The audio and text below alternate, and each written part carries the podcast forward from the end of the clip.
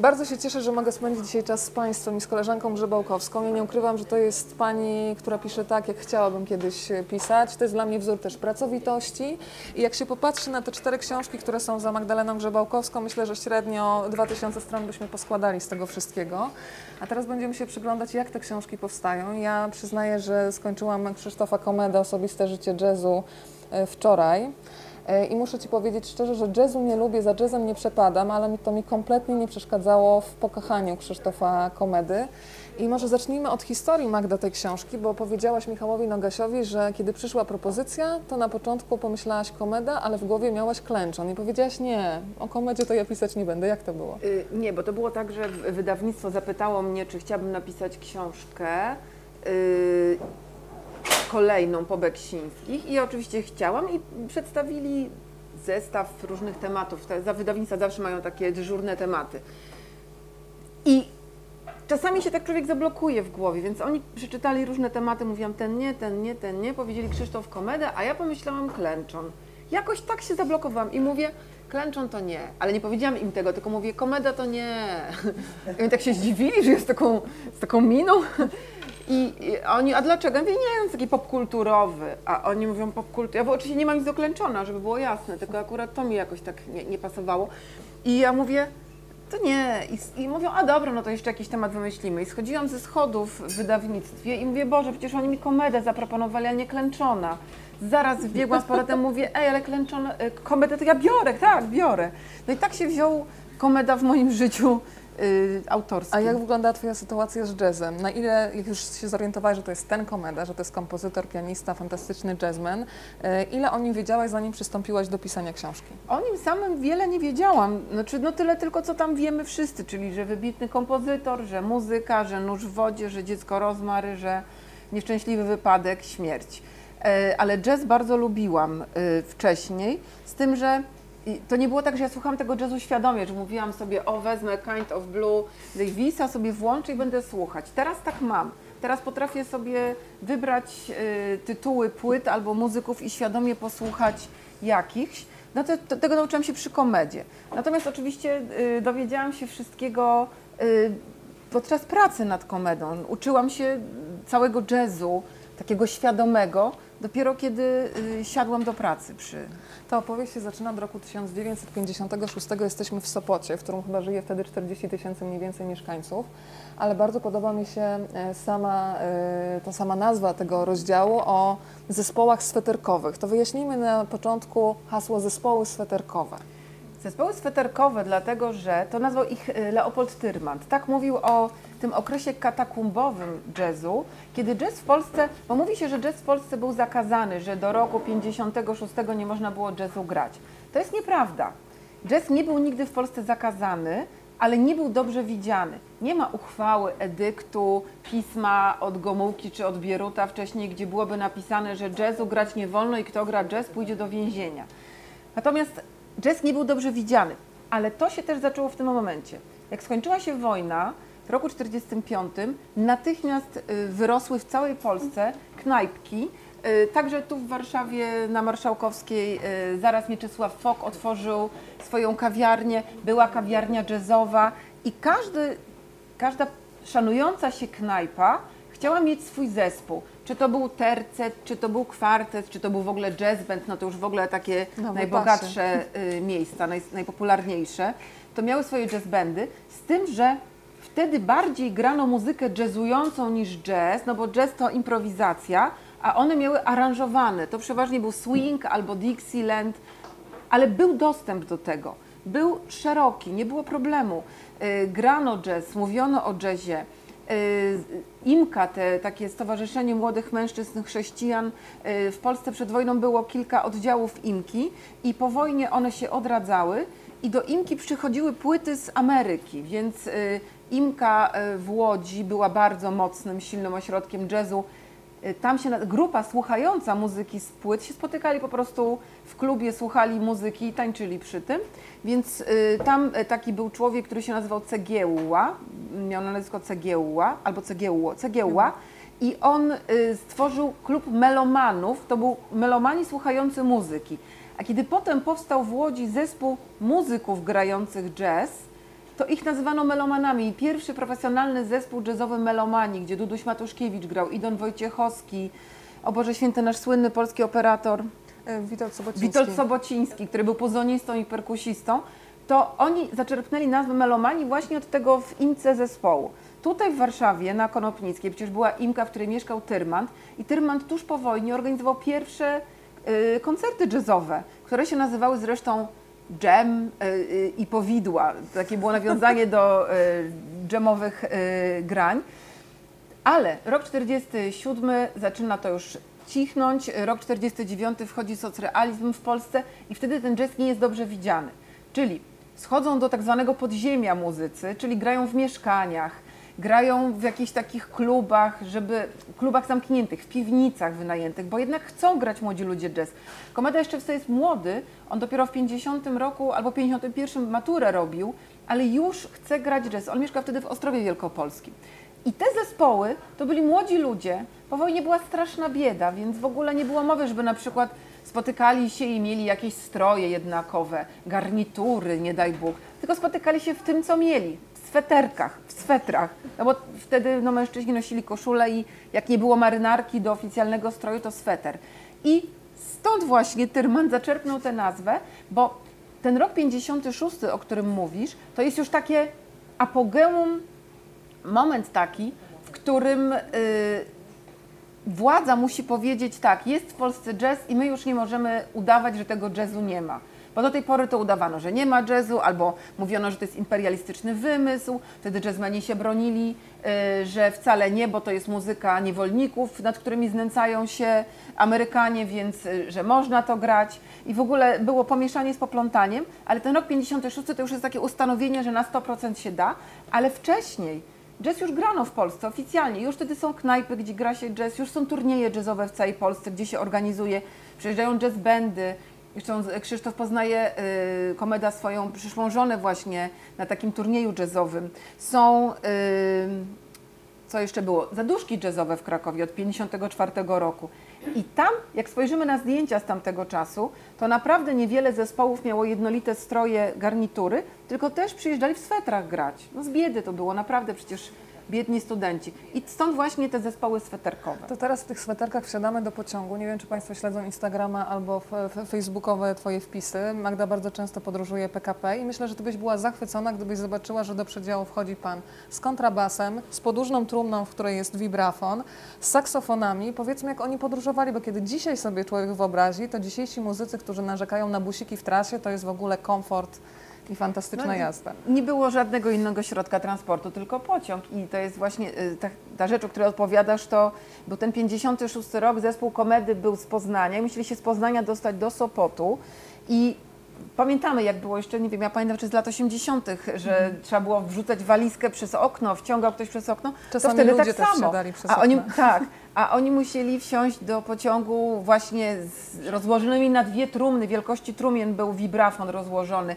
saksofony, perkusja. To wszystko po prostu zajmowało strasznie dużo miejsca i, i to tylko melomani byli już tak słynnym zespołem, że mieli, podkupili konduktora i cały wagon sobie y, zajęli.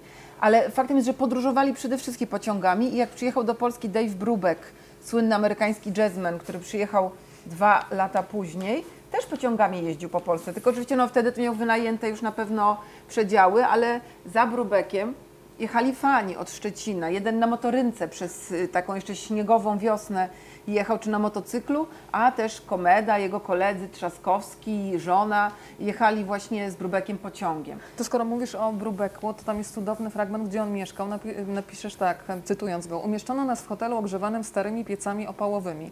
Pamiętam, że co kilka godzin przychodziły do nas dwie dziewczyny, aby dorzucić węgiel, budząc nas przy tym nieznośnym hałasem. Nigdy nie zapomnę tej nocy, więc pokazuje, do jakich warunków przyjeżdżają Amerykanie i dla nich to jest kompletnie inny świat, tak samo jak Tak. dla Polaków Ameryka wtedy. To było w Szczecinie, to się zdarzyło. W ogóle y, od początku, David, Dave Brubeck, y, on wziął udział w czymś takim, on już był słynnym jazzmenem, już był punkt odniesienia, on ciągle wtedy zdobywał w, w tych latach, w połowie lat 50. wciąż w jakichś takich y, różnych konkursach na najlepszego jazzmena świata, ciągle zajmował pierwsze miejsce, raz Gary Mulligan, raz Dave Brubeck. To wtedy był I nagle Dave Brubeck przyjeżdża do Polski. Kiedy to było coś takiego jakby, jak mi powiedział Wojciech Karolak, tak jakbym poszedł do kościoła na mszę i Pan Bóg by tę mszę odprawiał. To było, to było coś takiego dla nich. I nagle za tę żelazną kurtynę przyjeżdża Dave Brubeck i on wziął udział w takiej trasie, to się nazywało Ambasadorzy Pokoju. Ameryka wysyłała, wysyłała y, swoich wybitnych muzyków, żeby jechali przez świat, no i żeby rozgłaszali, że Ameryka jest cudownym krajem i to była taka ambasada pokoju. Przed nim, albo tuż po nim jechał y, Louis Armstrong, ale on się nie, nie zgodził wziąć udziału jako ambasador pokoju, ponieważ y, bardzo był przeciwny wszystkim ustawom rasistowskim i silnemu rasizmowi w Ameryce wtedy. A y, Ameryka jakby się tym nie przejmowała oczywiście, no bo to jest y, dopiero połowa lat 50., więc on w ramach protestu pojechał jakby indywidualnie w tę trasę. No ale Brubek pojechał jako ambasador pokoju. I jego pierwszy kraj, do którego przyjechał przez Kopenhagę, bo polecieli z Ameryki do Kopenhagi, to była Polska. I było tak śmiesznie, że Amerykanie w ogóle nie mieli pojęcia za bardzo, jak tę trasę zorganizować. Potem jechał do Moskwy, potem jechał do Turcji, więc to była taka bardzo, potem jakiś tam Pakistan był, więc to była w ogóle bardzo długa trasa. I on jechał z żoną Jolą i jechał z dwoma synami. Jeden się nazywał Darius, i zresztą jest dzisiaj muzykiem jazzowym. I Darius pisał pamiętnik. Miał wtedy 9 albo 11 lat i pisał pamiętnik. I z tego pamiętnika fantastycznie wiemy, co było po kolei. I oni z tej Kopenhagi przylecieli samolotem do Berlina Zachodniego. I powiedziano im, że muszą się dostać do Berlina Wschodniego. Tam będą na nich czekali przedstawiciele Polski i ich przywiozą. W ogóle już nie mogli przedostać się przez granicę. Pod murem, pod bramą brandenburską nie dawało się przejść. Więc ktoś z Berlina Zachodniego zasugerował im jakaś pani, że przewiezie ich w bagażniku swojego samochodu. No ale Brubek się nie zgodził, bardzo wysoki był, a poza tym uważał, że to bez sensu. I czekał bardzo długo na granicy i w końcu przyszedł ktoś z tej wschodniej części i mówi do Brubeka yy, po niemiecku, ale pokazuje mu jakąś gazetę, mówi, czy pan jest Mr. Kulu? A on mówi, nie, nie jestem Mr. Kulu, jestem Brubek. A on mówi, mm. I się okazało, i Brubek patrzy, mówi, tak, to ja jestem Mr. Kulu ten ktoś miał polską gazetę, w której było napisane, że Mr., bo on grał cool jazz, że Mr. Cool przyjeżdża do Polski. No i ten biedny Niemiec NRD mówi Mr. Coolu. Przepuścili ich wszystkich, czyli tam zespół cały, muzyków, y, żonę Brubeka, dzieci Brubeka i wsadzono ich do autokaru. Nie, najpierw wsadzono ich do pociągu i myśleli, że jadą do Szczecina, ale wysadzono ich w Rzepinie, z tego pociągu i w Rzepinie przyjechał po nich autokar, jakiś tak rozklekotany, że były dziury w podłodze. Więc Jola Brubek cały czas się bała, że w ogóle wypadną w trakcie jazdy.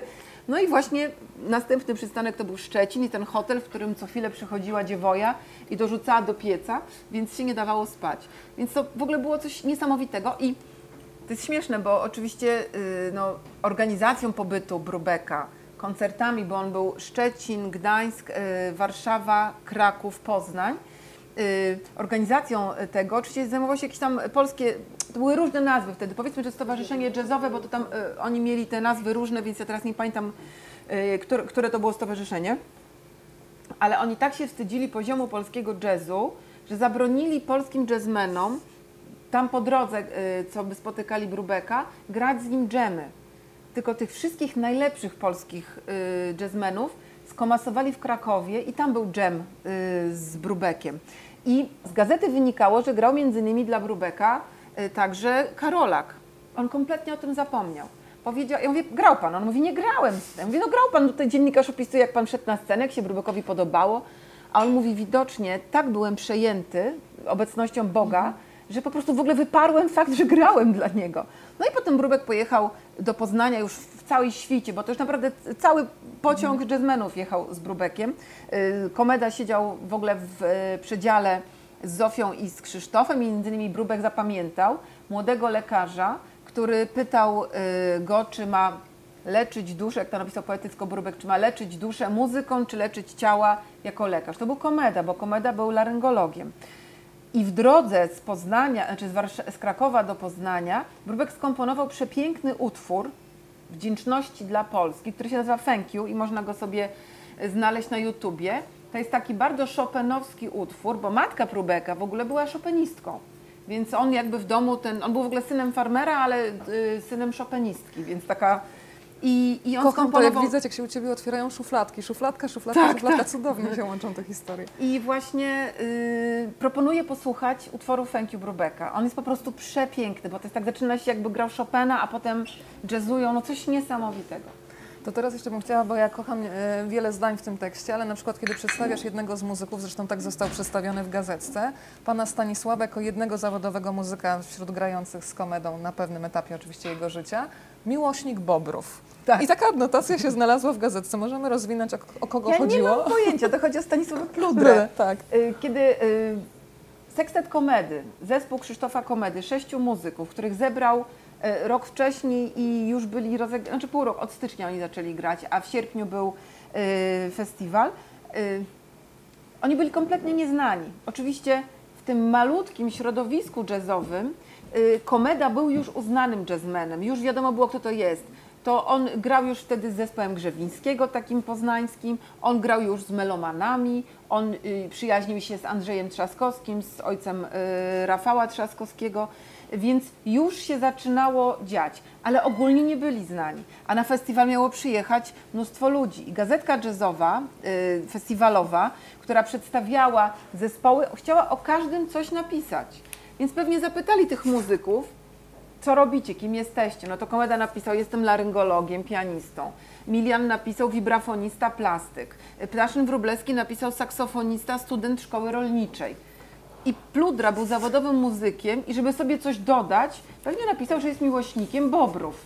Cokolwiek to znaczy, Pludra nie żyje, więc nie mogę go zapytać, czy miał na myśli hodowlę bobrów, czy lubił chodzić podglądać te bobry, czy po prostu to był taki sztubacki dowcip, ale ponieważ to było zacytowane, no więc ja też to... To skoro jesteśmy przy tych dowcipach, to ja uwielbiam zespół Jan Grebsor i jego chłopcy, bo to pokazuje, jaki panowie mieli dystans do siebie i tam był już przydomki Jan Ptaszyn-Wróblewski, Jan Moniak, Jan Zylber, Bob Komers, no i był niejaki Genitazy Ciziewicz między innymi w tym zespole i Merlin Nabiałek. Powiedzmy skąd ta zabawa, bo jednak dystans do komercji, ale jednak jakoś trzeba było No, zarabiać na oczywiście. życie. To było tak, że jazzmeni zawsze myśleli o sobie, że są lepsi niż tak zwani klezmerzy. Klezmerami oczywiście nie chodzi mi o muzyków żydowskich, tylko klezmerami w latach 50. i 60. nazywano muzyków knajpianych, którzy właśnie grali aranżowany jazz, czyli tak właściwie muzykę jazzującą, albo grali też tam Wiśniowy Sad, albo grali wszystko, co tam nakazał, e, nakazał klient ze stówką e, w dłoni.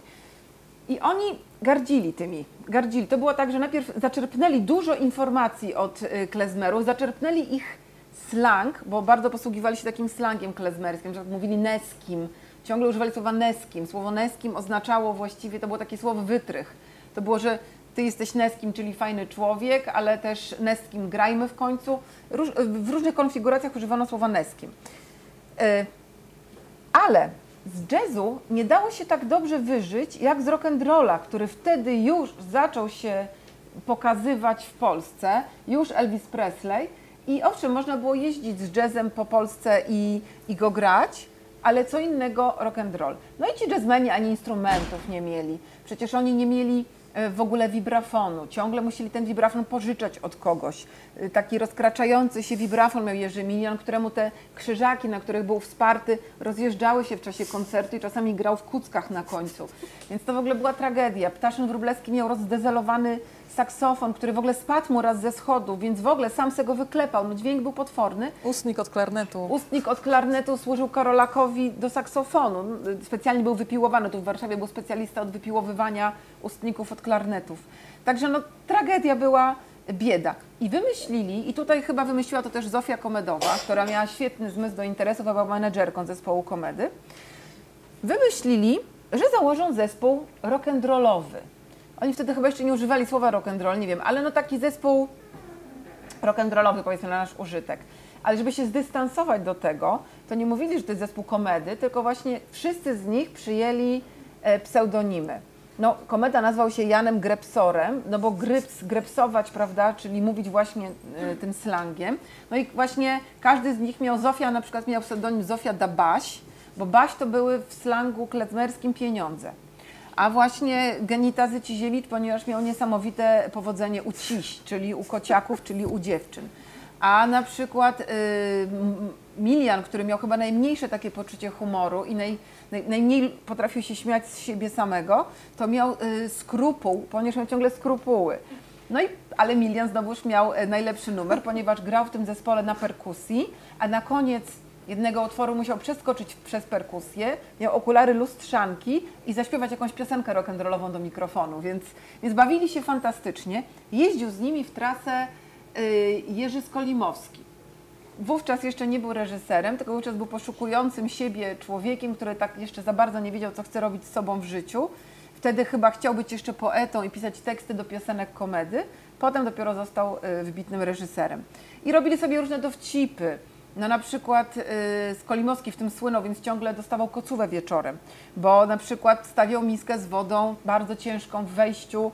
Zofia była e, konferencjerką i ona nie mogła tej miski przesunąć, więc musiała wejść do miski i w mokrych szpilkach podchodziła do mikrofonu i zapowiadała następny numer. Albo na przykład robili taki numer, że ktoś zapowiada zespół, a zespół nie wychodzi, albo wychodzi nie z tej strony, co trzeba. No, różne zabawy były.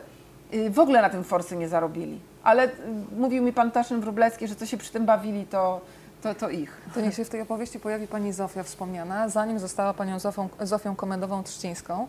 To podobno była taka sytuacja, o czym opowiada pani Teresa Trzaskowska, y, że przychodzi pani Zofia do niej i mówi słuchaj, musimy się za nich wydać, bo nam ich panienki podbiorą. Złożyłam papiery w urzędzie, ty też idź.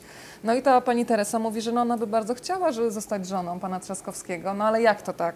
A pani Zofia powiedziała, wystarczy, że ich poinformujemy. I jak to wyglądało dalej? No tak było z Zosią. Dla Zosi nie było jakichś przeszkód. Wszystko, co chciała, to miała. To była osoba szalenie zdecydowana, bardzo apodyktyczna i idąca przez życie taranem, co zresztą y, uważam, że pokaleczyła się w ten sposób y, idąc, tak?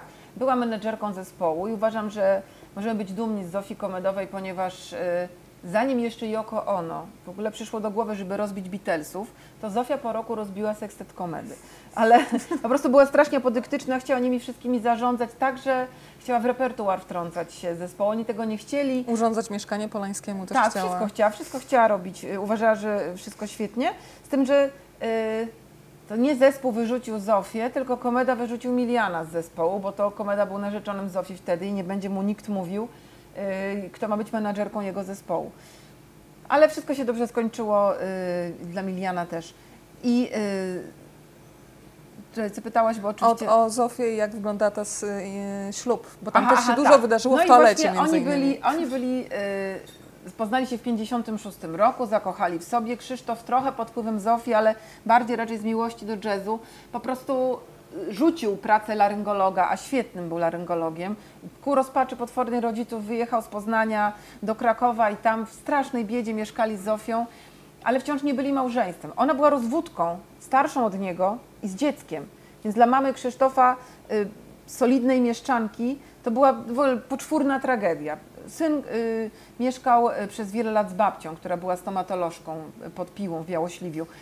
I no i właśnie y, Zofia, żeby utrzymać ich, bo z tego grania to tak wielkich pieniędzy nie było, wtedy jeszcze nie było mowy o komponowaniu muzyki do filmów, to dopiero były początki, to najpierw stworzyła, y, doprowadziła do stworzenia, nie tylko ona, ale działała w tym, była świetną organizatorką y, krakowskiego, klubu, krakowskiego jazz klubu i tam otworzyła bar i ten bar dobrze prosperował, więc poproszono, pi- piwnica pod baranami poprosiła ją, żeby ona prowadziła im bar. I ten bar rozwinęła doskonale. I właśnie z Teresą wówczas Fersterową, bo też Fersterowa była y, żoną y, Mariana Ferstera po rozwodzie i też miała dziecko, więc one miały takie, takie podobne losy y, w, pewnym sensie, prowadziły ten bar razem. To oczywiście to była fantastyczna sprawa. Y, Joanna Olczak-Kroniker mówi, że wtedy, znaczy trochę ubolewała nad tym, bo powiedziała, że wtedy chyba w ogóle y, wszyscy muzycy krakowscy i artyści zaczęli popadać w alkoholizm, bo nie wiem, czy to jest do końca prawda, ale, ale że właśnie wtedy ta wódka była tania, Zofia wymyśliła, bo tam nie wolno było sprzedawać wódki, ale Zofia wymyśliła coś, co się nazywało calvados, czyli mieszała wódkę z sokiem jabłkowym, czy tam spirytus z sokiem jabłkowym, a nikt nie wiedział, co to jest calvados, więc nie zabraniano tego sprzedawać. I, i tak właśnie było y, z tą Zofią. No i któregoś razu właśnie mówi, do, kiedy już ten komeda z tym Trzaskowskim, a Trzaskowski obłędnie przystojny, był po prostu był obłędnie przystojnym człowiekiem, a komeda miał w sobie taki urok, może nie był nie był najpiękniejszy z urody, ale to zależy, to się komu podoba. Mnie się podobał na przykład, ale y, miał sobie jakiś taki zniewalający urok, że wszystkie dziewczęta chciały się nim od razu opiekować. No i Zofia wyczuła, że, że być może straci y, Krzysia I y, namówiła Teresę, żeby było raźniej właśnie, że chodź, złożymy papiery i powiadomimy ich o tym, że ślub. Ślub się odbył chyba Powiedzmy jeszcze, jak przekrój informował, że no właśnie. to było, to było cudowne Ślub się ogłoszenie. odbył w 58 i on się odbył właśnie w zaduszki jazzowe, bo to był jedyny moment w roku, kiedy jazzmeni nie grali i nie mieli pracy, no bo w, w Święto Zmarłych nie gra się przecież, więc przyjeżdżali dzień wcześniej z całej Polski, były te zaduszki jazzowe grane. Wtedy się odbył ślub i wesele, a przekrój tydzień wcześniej zapowiadał, że właśnie y, będzie ślub jazzowy i że panie wchodzą, y, wstępują w związek małżeński po raz drugi, panowie po raz pierwszy. Ryzykują po raz pierwszy Ryzykują po raz pierwszy. I y, odbył się ślub w urzędzie, ale rozmawiałam z panem Plewińskim, który był wtedy jakby nadwornym fotografikiem krakowskim, do dzisiaj zresztą jest, i się przyjaźnił z tymi wszystkimi jazzmenami. Mówi, że żadnego zdjęcia wspólnego im nie zrobił, ponieważ wyszli z tego urzędu zupełnie osobno. I potem było wesele w krakowskim jazz klubie. I y, pieniądze na wesele Zofia pożyczyła od swojej mamy nawet. Trzaskowscy też się dorzucili. Wszystko było ręcznie robione, w sensie nie kupione, tylko sałatki były. No było tam strasznie zimno, bo to była taka wilgotna piwnica, ten jazz klub. Więc na zdjęciach widać, że wszyscy siedzą w płaszczach. I przyszła cała śmietanka, cała elita i przekrojowa, i towarzyska, krakowa, i jazzmeni. Ale ktoś, już nie pamiętam kto, podarował Trzaskowskiemu petardę w prezencie. I aha, w tym jazz klubie była normalna łazienka, nie taka jak toaleta, tylko była tam wanna i tak dalej. Coś tam musiało być wcześniej i taka była pozostałość po tym, tym. I kwiaty wszystkie były trzymane w wannie, te co były w prezencie, wodę nalano i były trzymane w wannie. I tam poszedł Trzaskowski czy ktoś inny odpalić tę petardę.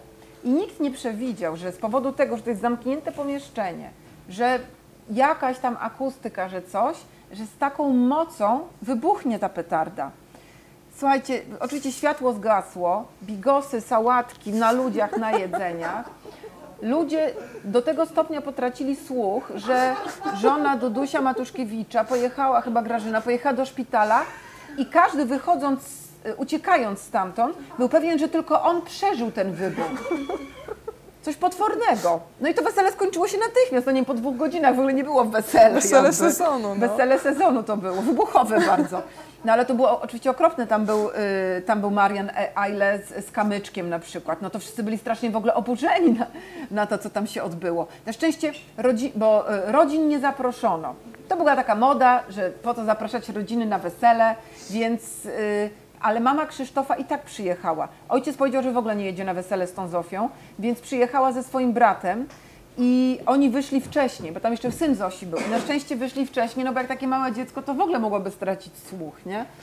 Także tak. zaraz przejdę do Tomasza, ale jeszcze wcześniej e, pewna tajemnica, która jest w tej książce, czyli Maria, tak jest zatytułowany ten rozdział, czyli kobieta, która była przed e, panią Zofią. Odmawia, źle się czuje, jest chora. Proszę zadzwonić za miesiąc. Dzwonię, jednak nie będzie rozmawiała wcale. Wysłałam jej kartkę na Boże Narodzenie, potem na Wielkanoc. Kolejny telefon. Mówiła przecież, że nie będzie ze mną rozmawiać o Krzysztofie. Tyle fałszerstw już o nim napisano, nie ma już siły, nie chce do tego wracać. Ale przez chwilę jednak mówi. Była młodsza od niego o 5 lat, wojna jednych przyspieszała, innych spowalniała. Ona siedziała wtedy w gabinecie rodziców i uczyła się, jak stawiać litery, jak rysować kółeczka. Maturę zrobiła jako 16-latka, w 52 roku poszła na medycynę. To, co było między nimi, ona określa jako głębokie. Krzysztof jej kiedyś powiedział, że jeżeli się przejdzie przez życie z jedną osobą, która nigdy w życiu nie zawiedzie, to się to życie wygrało. A potem została wymazana z jego życiorysu przez Zofię. Rozłączamy się. Któregoś dnia przyjeżdżam do jej miasta bez zapowiedzi. Staję przed domem, w którym mieszka, dzwonię do drzwi. Proszę, porozmawiajmy. Przyjmuje mnie w progu, jest smutna i niezadowolona, odmawia. Nie chcę podawać jej prawdziwego imienia, nazwę ją Marią. Przyjaciele i znajomi komedy pamiętają tamtą dziewczynę. Chodziła z Krzysztofem na koncerty do Filharmonii, bardzo lubię ten moment. W kinie trzymała małą latarkę nad zeszytem, gdy zapisywał melodię z filmu. Jego rodzice bardzo ją lubili. Ona była w nim zakochana. On się mniej angażował, najważniejsza była muzyka, mówią. Miał być ślub, było zerwanie zaręczyn. Ktoś zapamięta rozmowę z Krzysztofem, będzie rok 68, Los Angeles, padnie pytanie Dlaczego ty się tak z Zosią żresz? Tyle już lat. Przyjdzie odpowiedź. To jest moja pokuta za Marię. to trochę wyjaśnimy, też pokazujesz Twój też warsztat pracy, że nie odpuszczasz. Kartki, telefony, w końcu przyjeżdżasz. E, powiedzmy, jak Ci ludzie reagują. Ja pamiętam, jak Magda była jeszcze u mnie w radiu i opowiadała, że była metoda też na kota ze Szreka, jak jeździła ze swoją córką pracując nad książką rok 1945 i jak same jej nie otwierano drzwi, to matce z dzieckiem wszędzie się drzwi otwierały. Więc teraz jak to wyglądało? Kim jest ta Maria? Co możemy jeszcze dodać? No to była pani, o której od razu mi powiedziano, kiedy zaczęłam zbierać materiały o komedzie, że jest taka pani, lekarka i pierwsza narzeczona komedy, ale ona z nikim nigdy jeszcze nie porozmawiała. Ja nawet dokładnie nie znałam jej nazwiska. Ktoś mi powiedział, to było takie, takie detektywistyczne. To właściwie jest najfajniejsza część roboty, takie szukanie takich drobiazgów. Bardzo to lubię. I y, udało mi się znaleźć, że jest taki lekarz o takim samym nazwisku i zadzwoniłam do niego i się okazał jej synem. No i wkopał mamy, bo dał na nią namiary, podał jej adres. Ale to oczywiście żartuję, że wkopał. No, y, życzliwy bardzo był człowiek. I zadzwoniłam do niej, nie chciała rozmawiać. Raz, drugi, raz troszeczkę rozmawiała przez trzy minuty, więc słałam jej kartki. Bo ona nigdy nie mówiła, że nie kompletnie. Ona zawsze mówiła, nie teraz, proszę zadzwonić kiedy indziej, jestem teraz chora. Może chciała czas do namysłu. No i tak jej kartki na święta, żeby pokazać, że, y, że pamiętam o niej. I, y, I któregoś razu po prostu pojechałam do Poznania pod jej dom, no bo znałam adres przecież y, korespondencyjny. Jej mąż otworzył, przesympatyczny człowiek. I zawołał ją i ona powiedziała, że jednak nie będzie rozmawiać. Była trochę wkurzona, no ale trzeba spróbować. Jak się nie spróbuje, to, to się nie wie, czy... Czasami się zdarza, że jednak ktoś chce rozmawiać. Jak przy roku 45, ale ten reportaż napisałam już dawno, dawno temu, on wszedł do książki, ale już był wcześniej napisany, y, o Gustlofie, o katastrofie Gustlofa. Y, Rozmawiałam z panią, która przeżyła katastrofę Gustlofa. Ona też nie chciała rozmawiać i przez telefon ani nic, ale też wiedziałam, że, gdzie ona mieszka. Po prostu kupiłam kwiaty, stanęłam pod drzwiami, no i wpuściła mnie i tak trzeba próbować. Y, Oczywiście na końcu, jak ktoś się naprawdę nie zgadza, to trzeba odpuścić, no bo też nie ma co rozbijać głową muru, ale trzeba próbować dużo, dużo, a może, a może się uda. To jeszcze powiedzmy trochę o pani Krystynie. Jest piękne zdjęcie Krystyny Sienkiewicz, y, która też, jak się okazuje, no miała dużą słabość do Krzysztofa Komedy. Zresztą słabość i taką wzajemną. I tak Wzajemną, że tam tak. iskrzyło, że to Byli nawet wyczuwali zakochani. inni. Tak. Nawet chyba trochę się zastanawiali, czy nie wieść y, wspólnego życia. Krystyna Sienkiewicz też nie chciała rozmawiać. O Krystynie też od razu od kogoś się dowiedziałam, że. Bo to nie była publiczna sprawa, ale jednak w środowisku jazzowym to było wiadomo. No to zdobyć namiary do Krystyny Sienkiewicz to nie jest takie trudne, bo jednak jak się jest w środowisku dziennikarskim, to ktoś zawsze gdzieś ma do niej numer. I dzwoniłam i pani Krystyna, i tak nie wiedziałam, czy mogę mówić, czy moglibyśmy porozmawiać o tym, jak pani była zakochana w Krzysztofie, bo trzeba ostrożnie, delikatnie, żeby nie urazić, więc mówiłam, chciałam porozmawiać o waszej przyjaźni. A pani Krystyna mówiła, o nie, kochana, to była miłość. Ale czy moglibyśmy o tym porozmawiać? Ona mówi, o nie, ja jestem kobietą dyskretną, takich rzeczy nie mówię. Mówię, ale ja sobie pozwolę jeszcze do pani zadzwonić. Zawsze trzeba zostawić tę furteczkę, mówiąc, ja jeszcze zadzwonię. Zadzwoniłam pół roku później i ona też mówiła, że nie, ale miałam takie szczęście, że wtedy pani Krystyna, którą właściwie potem byłam na ty, czyli Krysia, yy, wydawała wtedy właściwie yy, swoją autobiografię w wydawnictwie Marginesy. I była u niej akurat tego dnia wydawczyni. I słyszała naszą rozmowę. I pewnie pani Krysia powiedziała, że a, była, dzwoniła taka dziewczyna, ale ja nie chcę. I ta wydawczyni, której ja nie znałam, Hania Grudzińska, najlepszy człowiek świata, zaczepiła mnie któregoś razu na targach książki. Mówi, pani Magdo, ja wiem, że pani chce się spotkać z Krysią, to ja pani to ułatwię. I po prostu zupełnie bezinteresownie, jak w bajce, skontaktowała mnie z Krysią Sienkiewicz i któregoś dnia wylądowałam u niej w kuchni. To nie była prosta rozmowa z tego względu, że Krystyna Sienkiewicz była po udarze. I ona, y, albo po wylewie, już nie pamiętam po czym, ale rok wcześniej obudziła się bez pamięci, bez umiejętności mowy, bez niczego. I kiedy ja się z nią spotkałam, to ona jeszcze była na rehabilitacji, no już pamięć jej wracała, jeszcze nie, nie wszystkich słów nie pamiętała, więc czasami opisywała jakieś słowo trzema przymiotnikami ja zgadywałam jakie. No ale to, że była miłość z Krzysztofem, że y, prawie sobie życie chcieli ułożyć, ale jednak on nie zrezygnował z Zofii, to pamiętała o tym. To oni byli z sobą rok i, i parę miesięcy, tak króciutko. Piękne jest też zdjęcie, nie mogę teraz znaleźć, ale piękna w takich, pamiętam do- do dzisiaj w dwóch kucykach, blond włos, taka dziewczyna, w której naprawdę można się zakochać. To teraz Tomek niech się pojawi, bo dla mnie to jest jeden z najbardziej poruszających wątków takiego dziecka, które jest trochę przerzucane od babci do mamy. Zresztą pada takie zdanie, Magda piszesz, nie wiem czy przytoczę dokładnie, ale że z Tomkiem jest największy problem, ponieważ nikt go nie pamięta. Tak. No jak to wyglądało? No bo pan Tomasz Lach jest człowiekiem z krwi i kości, mieszka w Warszawie i jest synem z pierwszego małżeństwa Zofii. I, I to jest tak, że ja z nim współpracowałam, w sensie bardzo mi pomagał, rozmawialiśmy i z jego opowieści wynikało, że on był niemal całe życie obecny w życiu Krzysztofa. Nawet zresztą wydał książkę Kumpel, gdzie też pisze i tak dalej. A potem ja szłam od człowieka do człowieka, rozmawiałam z tymi takimi, co byli w bardzo bliskim kręgu yy, komedów. I kurczę, nikt go nie pamiętał. Ja mówię, no ale Lach był tam i tam. A oni mówią, nie, bywałam u komedów bardzo często, nigdy tam nie było Tomka. Potem to się wyjaśniło z tego względu, że Tomek w dzieciństwie mieszkał do siódmego roku z babcią, bo Zofia go oddała babci na wychowanie i rzuciła się w wir życia towarzyskiego w Krakowie. Ja tak nie potępiam jej za to, chociaż oczywiście mojego dziecka w życiu nie oddała na chwilę nawet, ale nie potępiam jej za to, bo to były inne czasy. Wtedy oddawanie dziecka na wychowanie do dziadków to było zupełną normą, prawda? Więc to też nie można patrzeć na to z dzisiejszego punktu widzenia. Potem Tomek zamieszkał z komedami, yy, ale dopiero tu w Warszawie, jak dostali mieszkanie. Oni mieli jednopokojowe mieszkanie.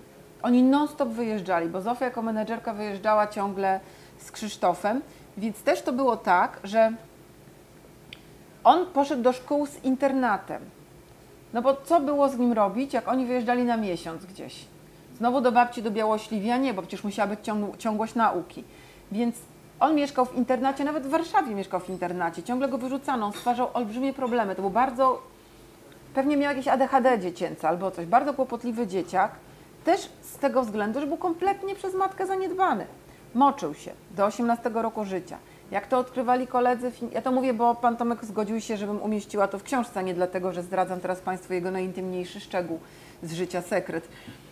Co koledzy odkryli w internacie, że on się moczy, to go lali. No wiadomo, y, że, że takie są mechanizmy działania wśród chłopców, więc on też się z nimi bi- bił i zawsze jego wyrzucano z tego internatu. Był w, y, bardzo wybitnie utalentowany plastycznie, więc był w y, tym takim słynnym liceum Kem, Kem, Kemara, Kenara, Kenara w y, Zakopanem, stamtąd też wyleciał. Był w jakiejś szkole w Krakowie, w- wyleciał. Był w internacie. On właściwie mówi, że wyszedł na prostą dopiero jak zaczął trenować wioślarstwo w Krakowie. Ale Magda, ale czy on po latach ma żal do mamy? Bo y, pada takie zdanie, które też mi zostaje w głowie. Nie wiem, czy tęskniłem za mamą, byliśmy okazjonalnie w kontakcie, Tak. co w stosunkach, w relacjach wydawałoby się teoretycznie najbliższą osobą, tak powinno być życzeniowo. Ja myślę, że on to jest żal? pół na pół, że ma żal do mamy. No jednak każdy ma żal do mamy, że dziecko powinno być najważniejsze dla matki. Nic nie powinno być tak ważne jak dziecko, a jednak ona kompletnie go zlekceważyła, zaniedbała. I dlaczego nie pamiętali ci znajomi? Bo na czas imprez on brał swój własny materacyk dmuchany, żeby nie, zachi- nie zasikać znajomym i szedł z tym materacykiem do ludzi w Warszawie, którzy akurat nie szli na tą imprezę do komedów i tam spał na podłodze i też sypiał u kuzynki Krzysztofa, więc dlatego znajomi imprezowi nie pamiętają go zwyczajnie. To jest strasznie przykre. Ale co też mieli zrobić komedowie, jak przychodziło 40 osób do kawalerki, a on miał łóżeczko w kuchni? No przecież w kuchni najlepsze imprezy się odbywają. Co mieli zrobić z dzieckiem, jak tam naprawdę były szalene takie pijackie imprezy z tańcem, z krzykiem, no to, no to lepiej, żeby już poszedł jednak do kogoś. Ma żal do mamy. I ja mówię, panie Tomku, no bo to jest tak głupio gadać z dorosłym facetem o tym, że się moczył w dzieciństwie. Ja mówię, panie Tomku, ale nie wydaje się panu, że pan się moczył przez mamę? On mówi, a pani myśli, że nie wiem? Oczywiście, że tak. Ale powiedział mi coś takiego, jestem synem Zosi i zawsze będę stał po jej stronie i zawsze będę trzymał jej stronę i jej wersję, bo tam trochę mi się te wersje wydarzeń nie pokrywały z tym, co, co Zosia napisała w swoich wspomnieniach, bo jestem jej synem i już. I tego nie mogę się pozbyć i nie chcę. No więc z jednej strony żal, ale z drugiej strony no, miłość syna jakoś tam się przez to wyraża. Magda też w swojej książce pisze o tym, że czasami ma ochotę pocałować swoich rozmówców w rękę. Jest taki fragment, mam ochotę zrobić tak, odsunąć talerz z pryzmą ciastek, wstać, złapać za rękę człowieka, który siedzi po drugiej stronie stołu i z nienacka ucałować jego dłoń. Potem przedstawiasz obiekt swoich gwałtownych uczuć. To jest pan Maciej Suzin, dzisiaj architekt, kiedyś kontrabasista. E, I to jest człowiek, którego notesik bardzo pomaga reporterce takiej jak ty, bo pozwala uruchomić wehikuł czasu i odtwarzać No to konkrety. było cudowne, dlatego że y, no, starałam się dotrzeć do wszystkich ludzi, z którymi y, Komeda miał kontakt. To jest jednak bardzo, nie było łatwe, bo minęło 50 lat od śmierci Komedy. Mnóstwo ludzi nie żyje, a ci, co są na szczycie jazzmeni, trochę już im słabo na myśl o tym, że znowu ktoś ich pyta o Komedę, bo faktem jest, że było, dzwoniłam do jednego, do drugiego i na początku było znowu o komedzie, dopiero co książka o nim wyszła, dopiero co płyta jego wyszła. Ale byli też tacy ludzie, którzy odeszli na przykład od jazzu. Byli troszkę zapomnieni. Ludzie techniczni, czyli z obsługi technicznej. y, Ludzie z tak zwanych drugich rzędów. I ktoś mi podpowiedział, że jest Maciej Suzin. To jest w ogóle kuzyn naszego słynnego Suzina z telewizji, ale że on był kontrabasistą, ale w ogóle studiował wtedy architekturę i skończył tę architekturę i skończył grać jazz. Y, Grał na kontrabasie potem w teatrze, ale już nie jazz i też dlatego się nie nadawał do jazzu za bardzo, ponieważ nie pił alkoholu. Więc kto nie pił na przykład, to miał gorszą. Oni zaczynali tutaj na Nowym Świecie, w kawiarni Nowy Świat. O godzinie 12 była giełda jazzmenów. I tam się przychodziło i tam się załatwiało to dzisiaj jazzmeni mówią na to joba. Może muzycy wszyscy mówią, ja- jazzmeni mówią joba. Ale już się zaczynało wódkę pić o tej 12. Kto tam nie szedł, a Suzin nie chodził tam, to nie miał, nie miał roboty. Poza tym on nie pił. Ale Plewiński też narzekał, że tylko jarali, siedziało się w Tak, sługach dymu, on tak. nie mógł tego wytrzymać. Tak, tak, dokładnie. Więc y, parę, na przykład Jacek Ostaszewski też powiedział, że musiał odejść od jazzu, ponieważ przeżył. bał się, że, że nie przeżyje, że po prostu umrze od alkoholizmu. Niektórzy musieli iść na odwyk, niektórzy w ogóle y, udało im się przeżyć, a niektórzy poumierali przecież. No i y, Maciej Suzin był dla mnie taką cudowną niespodzianką, ponieważ jak się spotkaliśmy u niego w domu, architekt, pedant, był przygotowany. Tu ciasteczka, tu kawa, tutaj miał przygotowane y, rysunki, które robił podczas zaduszek jazzowych, które zachował. Y, tutaj robił coś tam i wyciągnął coś takiego, taki malutki notesik, pamiętacie Państwo notesiki Ewa, prawda? Takiej wielkości jak notesik Ewa. I on swoim maciupeńkim pismem technicznym, nie wiem, po prostu jak kras dla krasnoludków, notował w tym notesiku ile zarobił danego dnia. Znaczy on oczywiście te notesiki prowadził całe życie, ale dla mnie wyjął ten moment, kiedy grał z komedą rok czy dwa lata i po prostu dzień po dniu mi czytał. Yy, oczywiście nie swoje jakieś tam prywatne notatki, tylko te momenty, kiedy grał z komedą. I to mi pomogło cudownie po pierwsze dowiedzieć się, ile zarabiali, jak zagrali, wyciągnąć z niepamięci na przykład granie, o czym y, naprawdę bym nikogo innego nie wiedziała, granie w Domu Polskiej Mody Ewa. Y, był taki dom mody y, tam na placu, tak, na Konopnickiej. Tam w podziemiach była piwnica i w tej piwnicy grano jazz. I to miała być taka piwnica dla jazzmenów, ale to w końcu upadło, ponieważ jak przychodzili fani jazzmenów, to przeważnie byli znajomi jazzmenów i oni nic nie kupowali do picia i ten bar zbankrutował, w związku z tym ten klub zbankrutował.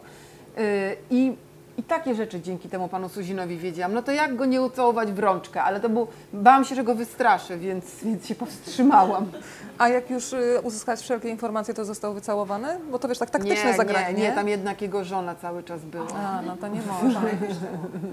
Żonę też można. Słuchaj, a jakie są reakcje właśnie tych, z którymi rozmawiałaś, którzy już przeczytali? Bo to też jest zawsze chyba takie oczekiwanie i, i trochę lęk, No czy dobrze oddałam, czy nie, więc jakie były reakcje panów, którzy się z ochotą wypowiadali, a potem czytali swoje słowa i na przykład czytali o tych swoich Czy ja w ciastkach ogóle i tak do autoryzacji większości z Tak. nich, więc wiedzieli, co będą czytali. Oczywiście o tym, że chcę go ucałować w rączkę, to mu nie wysłałam, bo by pewnie ze skromności, bo bardzo skromny człowiek ze skromności by mi kazał to wyrzucić. Ale myślę, że się ucieszył A, y, teraz. Myślę, że tak, ale, ale wcześniej tego nie było. Y, Więc y, ja na wszelki wypadek całą książkę wysłałam do przeczytania Wojciechowi Karolakowi, który w ogóle był moim tajnym informatorem i pisaliśmy do siebie maile i ja wszystkie takie rzeczy, co miałam wątpliwości do nomenklatury jazzowej, czy nie mylę bas, basowego saksofonu z barytonowym i tak dalej, to pytałam go na bieżąco i potem wysłałam mu tę książkę całą do przeczytania i y, o- oddzwonił do mnie. To jest fajne, bo ja chodzę szybko spać, a pan Karolak wstaje wtedy, kiedy ja już śpię. I umówiliśmy się na graniczną godzinę. Dla mnie już było tak, że nastawiłam budzik, żeby nie zasnąć czy na 11 w nocy, a on nastawił tak wyjątkowo wcześnie budzik na 11 w nocy, żeby ze mną porozmawiać.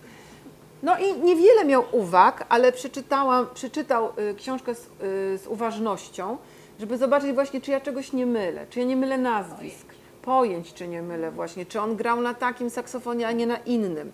I naprawdę jedyna jego uwaga była taka, i to była taka zabawna rzecz, ja to umieściłam w książce, znaczy jedyna taka, którą zapamiętałam szczegółowo, to była taka uwaga, że ja w mojej książce deklinuję imiona i nazwiska amerykańskich jazzmenów, bo tak się robi, takie są prawidła języka polskiego.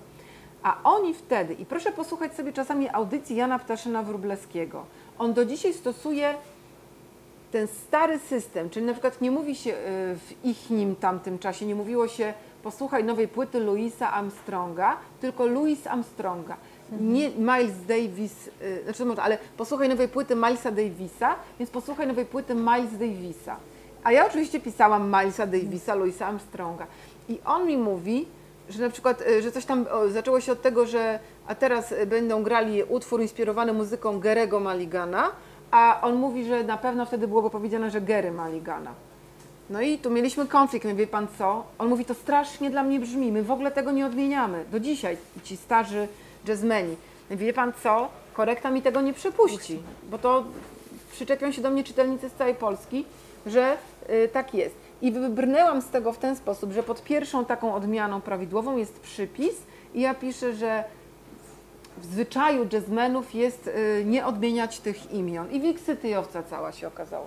Skoro już powiedziałaś o tym, jak wyglądały na przykład audycje radiowe, to szczerze mówiąc zatęskniłam za takimi czasami, gdzie słuchanie radia było wręcz świętością. I był taki pan, audycja Jazz Hour, który przyjeżdżał do Polski, gdzie ludzie sobie nastawiali buziki albo szli, jak jeden z Twoich rozmówców mówi, wcześniej spać, żeby potem wstać i słuchać do rana audycji. Człowiek, który przez 40 lat prowadził program radiowy, myślę, że już dzisiaj takich miejsc nie ma i też nie ma takich y, stacji, w których tak się dba o słowo, o to, o rozmowy, żeby pokazywać ludziom jazz.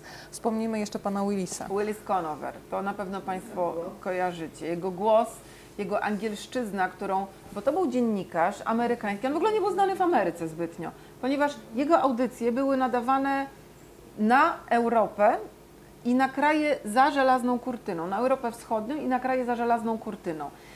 I on wyrobił sobie, on tę audycję nadawał od 1954 roku, ale najlepsze jest to, że wszyscy ludzie, z którymi rozmawiałam, mówili, że Konower ich ukształtował już po wojnie, że słuchali tego. Witold Sobociński mówi, że nawet słuchał w czasie wojny pod kołdrą radia z Konowerem. To jest niemożliwe, bo audycje Konowera były, tylko oczywiście można było słuchać jazzu z tych y, radiostacji nadawanych przez amerykańskich żołnierzy w Niemczech y, tuż po wojnie. Y, natomiast Konower od 1954 roku i on mieszkał w Waszyngtonie, był absolutnym perfekcjonistą. Jak on nagrywał, jak nagrywał z sekundnikiem w dłoni, jak o sekundę za długo mówił, to nagrywał jeszcze raz, żeby się zmieścić w czasie założonym przez niego.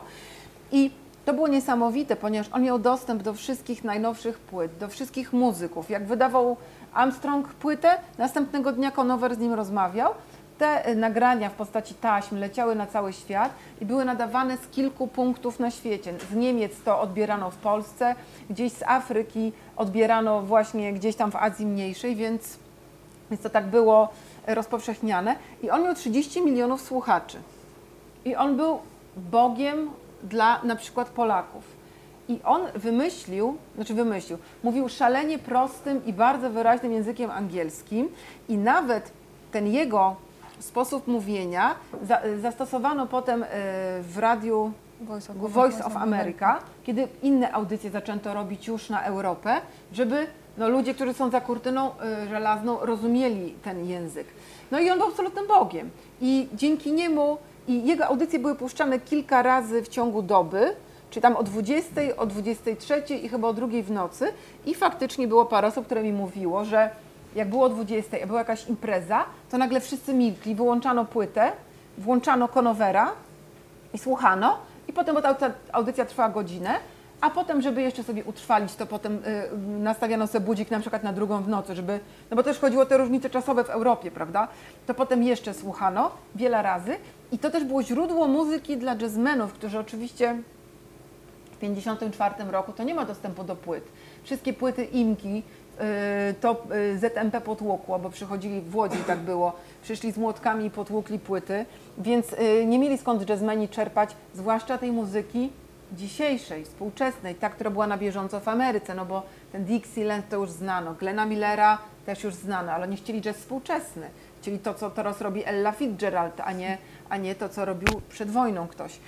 I y, było tak, że y, że oni wtedy tak siadali, na przykład Ptaszyn w Poznaniu, Trzaskowski w Krakowie i Komeda też w Poznaniu. Siadali i się Trzaskowski, y, znaczy nie, Trzaskowski to nie, ale Ptaszyn z Komedą umawiali się, że spisują co drugi takt i spisywali na zmianę, ale oczywiście zagłuszanie było tego radia, więc y, coś im zagłuszyło, więc kontaktowali się z Trzaskowskim, pewnie nie przez telefon, tylko jak spotykali się, a spotykali się w miarę często, bo w Krakowie kto inny zagłuszał, więc on słyszał akurat koniec utworu i dopisywali sobie te utwory. I do dzisiaj niektórzy mają zeszyty ze spisywanymi z radia w ten sposób utworami i tak jak mi powiedział pan, nie pamiętam który, chyba pan Lechowski, powiedział mi, że najdziwniejsze jest to, że oni prawidłowo spisywali. Że łapiąc te momenty, czasami czekali tydzień, żeby jeszcze raz tego utworu posłuchać, żeby coś tam dopisać, że i zachowywali i rytm, i takt, i żadnej nuty nie zgubili. Tak bardzo im zależało na tym, żeby tego jazzu zdobyć, posłuchać, bo oczywiście bywało tak, że jak się miało rodziny za granicą, to można było poprosić o przesłanie płyty. No ale Ryszard Chorowicz, który akurat nie był muzykiem, ale yy, olbrzymim fanem jazzu, prosił wujka, którego miał w Ameryce, który zresztą był w ogóle muzykiem, przed wojną był klezmerem, czyli grał w knajpach, wujku przyślij mi płyty z jazzem. Pisał co chce, żeby wujek przysłał. No ale wujek szedł, mówi nie, to beznadziejne. I wysyłał mu na przykład przedwojenny jazz, który w ogóle nikogo nie interesował już wśród tych młodych yy, wielbicieli jazzu z Krakowa. Można było nuty zdobyć, więc jak widzieli Państwo film Ekscentrycy po słonecznej stronie ulicy i ten sztur tam gra takiego przyjeżdżającego, to to jest prawda, tak było, że przyjeżdżali, przywozili nuty. No ale też te przyjazdy tych muzyków skończyły się w latach 40. Y, Albo y, skończyły się aresztowaniem tych muzyków, y, bo to przecież byli akowcy i zsyłaniem ich na Syberię, albo po prostu kończyły się te nuty, też już nie było dostępu. Można było zaryzykować i pójść do ambasady amerykańskiej tu w Warszawie po nuty, ale zdarzyło się jednemu człowiekowi, że został złapany przez UB i skatowany, ale to też nie za to, że poszedł po jazz, tylko za to, że poszedł do ambasady amerykańskiej i uznano go za szpiega. Oczywiście on tłumaczył, że poszedł po nuty, ale oni mówili, że w tych nutach pewnie są jakieś tajne instrukcje, których oni nie potrafią odczytać. I jeszcze jak go pobili, to jeszcze jak wychodził, to musiał podpisać, że, y, że będzie wszystkim mówił, że pobito go w tramwaju. Nie? Tak. No oczywiście potem, oczywiście mówił, że go pobito w y, tym. w Magda, to niech się jeszcze w tej opowieści pojawi Roman Polański. Pozdrowiłam ostatnio Ciebie pana Zygmunta Malanowicza, który jak O, nagrywali cudownie. Nóż w wodzie, to on miał 23 lata, a Polański miał 28. Zresztą nie wiem, czy Państwo wiedzą, że do dzisiaj kamera jedna spoczywa w jednym z Tak. jezior mazurskich. Podobno Lipman, czyli operator, który był ogromnym gościem, wspiął się na maszt, sapał, jak mówił pan, e, pan Zygmunt na niego, a Roman Polański z dołu cały czas krzyczał, czy jest piękny kadr, czy jest piękny kadr i w końcu zdenerwowany Lipan, przekonany, że ma zapiętą kamerę na karabinczyk, powiedział piękny kadr i w tym Tak, momencie kamera kamera, buchnęła. Ale też mówił, że był komeda przez chwilę na planie, ale powiedział bardzo ważną rzecz, że on był cały czas jakby w swoim świecie, że on gdzieś funkcjonował z ludźmi, ale kompletnie e, schowany. Natomiast powiedzmy, jak oni się z, z poznali z Polańskim, tutaj znowu Skolimowski się kłania chyba. Tak, to było tak, że był już y, znany jazzman Komeda, bo to jest już po 56 roku. On już teraz staje się celebrytą. Komeda wprowadza jazz nowoczesny. To był pierwszy zespół, Sextet Komedy, to jest pierwszy zespół w Polsce, który gra tylko i wyłącznie jazz nowoczesny. Bardzo trudny w odbiorze dla ówczesnych. Dla nas to dzisiaj jest melodia przepiękna, jeszcze melodyczny ten jazz. Jest to jeszcze nie jest jazz w naszym dzisiejszym pojęciu nowoczesny, ale wówczas dla ludzi jest trudny w odbiorze. Zresztą Tyrmand ogłaszał y, ze scen, że to jest tylko dla znawców, bo dla koneserów, bo w ten sposób każdy chciał być koneserem, to nikt nie gwizdał.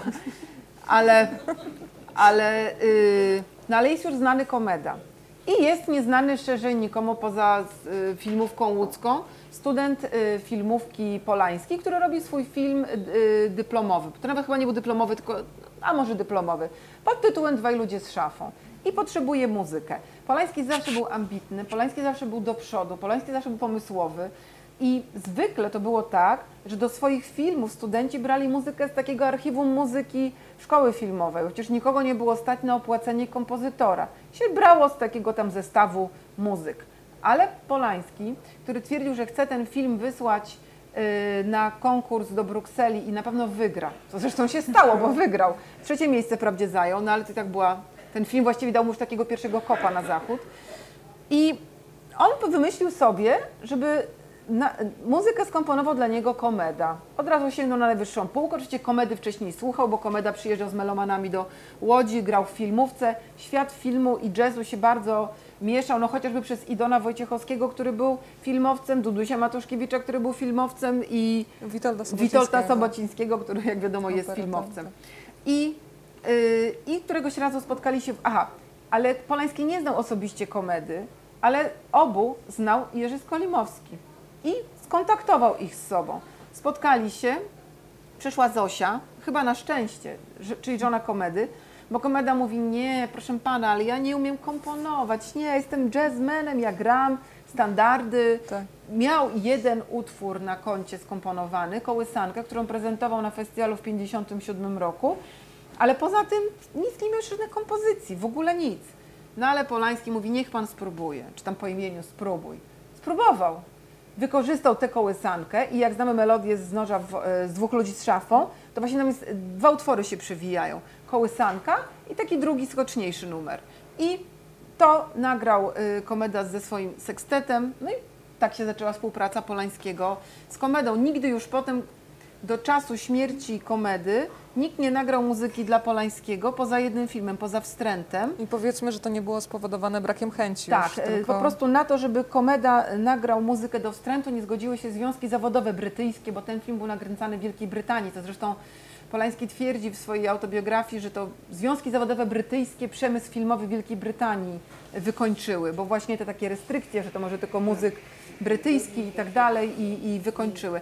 A tak do samego końca życia komedy zawsze z Polańskim. Z tym, że komeda stał się tak rozrywanym kompozytorem, że no nakręcił w swoim życiu, znaczy nagrał muzykę, skomponował muzykę do 61 Jeden. chyba filmów y, fabularnych, krótkometrażowych, ale także z Lenicą wspaniałe filmy animowane, jak ja czasami mówię anonimowe, niechcący y, komponował, więc naprawdę miał w sobie niebywałą lekkość komponowania, czasami bał się tej lekkości swojej i miał y, niebywałe zrozumienie obrazu filmowego, co mówili mi reżyserzy, z którymi rozmawiałam, że to się nie zdarza z innymi kompozytorami niemal i rozumiał, miał taką zasadę komeda, że taką musi skomponować muzykę, żeby nikt sobie nie mógł wyobrazić filmu potem bez tej muzyki. Czy wyobrażasz sobie nóż w wodzie bez komedy?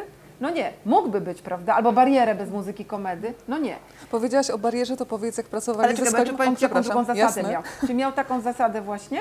Natomiast druga zasada była taka, żeby muzyka nie przytłaczała obrazu, żeby muzyka była tylko towarzyszeniem tego filmu, a nie była równorzędnym partnerem, więc też znał miejsce kompozytora w szeregu. Bardzo mądry człowiek. Nóż w wodzie był nominowany do Oscara, ale zatrzymam się przy tej barierze, o której wspomniałaś Tak. z Kolimowskiego, bo Skolimowski też Ci się zwierzę, że e, pracowali w bardzo, powiedziałabym, specyficzny sposób. E, opowiedz, e, siadali w jednym pomieszczeniu Tak, i to- jak powiedział Jerzy Skolimowski, został zmuszony do rzeczy bardzo intymnej. Na czym Tak, ta intymność polegała? e, siedli razem e, w pomieszczeniu i komeda mówi, to teraz ty Jerzy, bo puści, puścił film bez muzyki oczywiście na ekranie i mówi, to teraz ty wydawaj dźwięki, co czujesz w środku, kiedy e, oglądasz e, film na ekranie.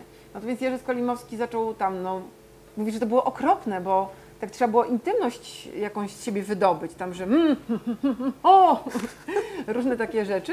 No ale współpraca wyszła świetnie i Jerzy Skolimowski że już nigdy potem żaden inny kompozytor y, nie Musimy zażądał zrobić od niego. eksperyment. Będziemy czytać fragmenty Twojej książki, a to Nie będziesz wydawać mowy. dźwięki, co czujesz. A ty skomponujesz potem muzykę. No to się nie uda. No. znajdziemy młodego kompozytora. Ale skoro jesteśmy przy dźwiękach, to piszesz o tym, że w Archiwum Biblioteki Narodowej są taśmy, na których się zachowało, jak Krzysztof Komeda śpiewa. Znaczy w zasadzie sobie podśpiewuje, więc jak śpiewa? Fałszuje okropnie. Ale fałsz nie wynika z tego, że on nie miał słuchu, oczywiście, tylko jak Zosia biegła do kuchni, wołając Krzysiu, już tak nie fałszuj, on mówi, ja nie fałszuję, tylko mam niewyrobiony głos. Ale ja słuchając tych taśm, ich tam jest kilkadziesiąt, kiedy on oczywiście, tam są różne taśmy, nie tylko kiedy śpiewa, ale też nagrywa coś z telewizji, nagrywa coś z radia. Są momenty, kiedy on śpiewa bardzo czysto. I to są momenty, kiedy on chyba korzystał ze swojego własnego głosu, a miał falset. I on chyba się tego głosu wstydził, mi się wydaje. Bo jak wchodził w ten cieniutki falsecik, to śpiewa czyściusieńko, jak chłopczyk. Ale chyba był skrępowany tym, że ma taki, bo jak mówił normalnie, to nie miał falsetu, bo to czasami się nie pokrywa, prawda?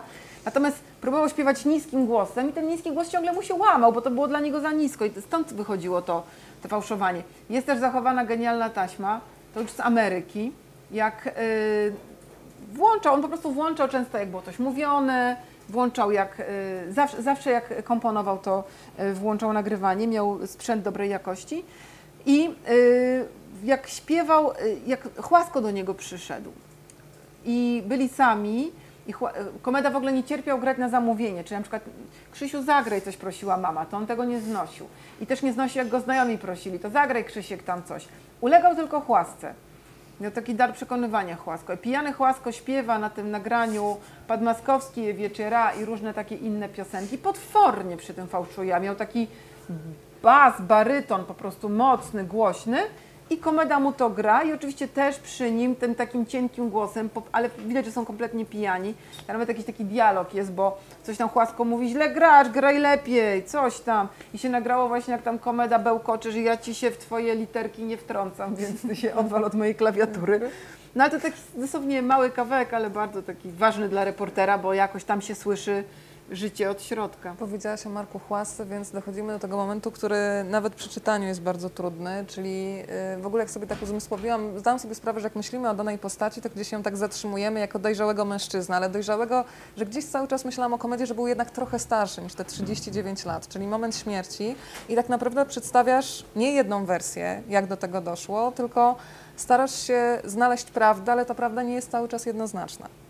Prawda czasu, prawda ekranu. No, Tak. Była zawsze jedna wersja, którą przedstawiła Zofia Komedowa, yy, że jest noc, jest po imprezie, że Krzysztof Komeda razem z Markiem Chłaską pijani w sztok idą wzgórzami Beverly Hills i Chłasko niechcący mm, strąca Komedę ze skarpy, Komeda uderza się w głowę, za pół roku umiera.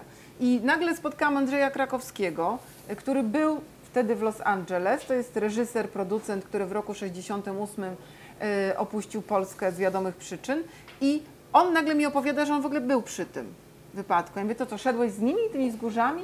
A on mówi, nie, byłem przy tym, bo to w ogóle nie było na tych wzgórzach.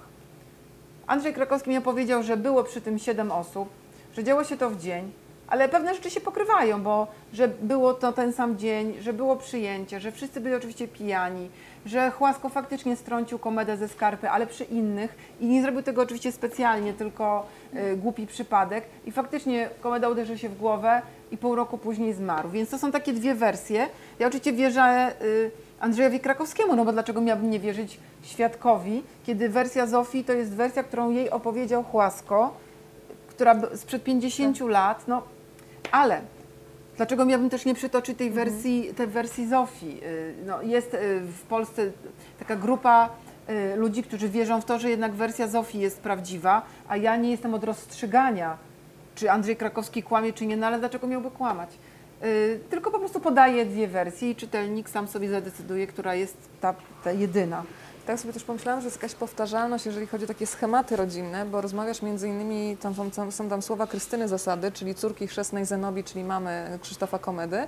I pada takie dużo mówiące zdanie, wujek był raczej pod kierunkiem cioci. I mam wrażenie, że Krzysztof Komeda, oczywiście poza tymi swoimi, e, tym co działo się w jego głowie i poza tworzeniem, że jednak Zofia, i to mówią wszyscy koledzy, i ta no powiem to wprost, niechęć do niej jest bardzo widoczna w tej książce kolegów z zespołu i współpracowników, że jednak Zofia była apodyktyczna, ona dyktowała i tak jak tato pana Krzysztofa był pod kierunkiem cioci, to tutaj gdzieś pewna powtarzalność modelu rodzinnego Matka była. Krzysztofa była szalenie apodyktyczną osobą. Zdecydowaną, wiedziała czego chce. yy, swojemu synowi zakochanemu yy, w muzyce kazała zostać lekarzem, no więc wstał, powiedział, dobrze mamo, będę lekarzem, bo tam w domu yy, się nie dyskutowało w ogóle, nie podważało słów rodziców. I Krzysztof spod skrzydeł matki wylądował pod skrzydłami Zofii, która była identyczna. Jemu widocznie tak, tak. Jemu widocznie taka żona była potrzebna, która organizowała mu całe życie do tego stopnia, że on nawet się nie musiał zastanawiać, co się ubierze rano, tylko ona mu przygotowywała trzy zestawy i musiał sobie wybrać jeden. Która robiła mu codziennie przez całe życie na śniadanie jajko po wiedeńsku, która go czesała, która go strzygła, która go trzymała za rękę u dentysty, która znała jego numer kołnierzyka, która obstalowywała mu buty na chmielnej, jak już się wzbogacili u tego Kielma, Kielmana, tak? Tak, Gielman. Tak, y, ponieważ on miał jedną nogę trochę krótszą po y, Hajnego Medinie, więc, więc otoczyła nad nim taki parasol ochronny, jeśli chodzi o opiekę, ale jednocześnie jakby za, chciała zawłaszczyć też jego życie osobiste, a on do środka jej nie dopuszczał, więc na tym też polegało to, to wszystko. Więc tak było. To muszę Cię jeszcze zapytać, bo kolejne zdanie, za które Cię kocham. Aleksieja Bataszewa znajduje w Moskwie, mieszka w pobliżu Kremla z żoną Mają i królikiem. Muszę dopytać, jak miał królik na imię, No słuchaj, bo właśnie to nie jest... pamiętam, nie pamiętam, ale tego królika oni traktowali jak dziecko. Powiedzmy, kim w ogóle pan Aleksiej. Alosza Bataszew y, to był, y, to jest Niesamowity człowiek, który y, był propagatorem jazzu w Związku Radzieckim. To on otworzył Związek Radziecki na jazz. On chciał być saksofonistą i spotkał się z seksetem komedy w 1957 roku na festiwalu i chciał z nimi grać, przed ze swoim saksofonem. Ale wtedy Ptaszyn Wróblewski mu powiedział, słuchaj, może coś innego rób w jazzie, to granie to tak nie bardzo. Czyli nie za bardzo, ale wtedy Alosza został y, propagatorem jazzu i y, jeździł dużo do Ameryki, więc czy on nie był szpiegiem, to ja nie wiem, no ale nie wypadało mi go zapytać. I też przyjeżdżał do Polski na Jazz Jamboree. Przyjaźnił się nie tylko z komedą, bardzo się przyjaźnił z też z niedawno zmarłym, Boże, jaką miał sklerozę, fotografik. O, z Markiem Mark- Karewiczem się przyjaźnił przecież, tak. tak. I, i y, z komedami i też y, bardzo chciałam się z nim spotkać i pojechałam właśnie do niego do Moskwy. Oni mieszkają naprawdę na tyłach Kremla, w takiej starej kamienicy. Mają mieszkanie całe zagracone książkami, durnostojkami. Tam nie ma jednego wolnego miejsca, makatki. No i ten króliczek jest taki słodki. Pan Alosza Bataszew ma jakieś 2 metry wzrostu. Jego żona jest młodsza, to jest jakaś jego trzecia czy czwarta żona, młodsza od niego jakieś 40 lat. I, y, I mają dzieci widocznie z innych małżeństw, a wspólnie mają króliczka. Mam nadzieję, że króliczek jeszcze żyje. I, y, ale było to bardzo ciekawe w ogóle doświadczenie, Już ponieważ będzie wieczny dzięki Twojej książce. ponieważ Alosza Bataszew pochodzi z rodu Bataszewów, y, producentów samowarów za carskiej Rosji. Oczywiście Stalin odebrał fabrykę, Bataszewów wysłał na Syberię i oni dopiero po II wojnie światowej wrócili tak na dobre do Moskwy, ale Alosza Bataszew w rozmowie mówi, Stalin nie był taki zły. Także to jest ten człowiek radziecki, który no, tutaj się trochę zaczęliśmy spierać, nie? bo ja uważałam, ja mówiłam, że jazz w Związku Radzieckim to był bardzo źle widziany, ale mówi, co pani mówi? To przed wojną był już zespół radziecki. Stalin pozwolił, mieliśmy jeden zespół e, jazzowy. Ja mówię, no właśnie jeden, ale on mówi, ale za to był najlepszy. Ja mówię, ale był pod kontrolą, nie, co to za jazz, kiedy jest pod kontrolą? Mówi, był bardzo dobry i wszyscy nam go zazdrościli.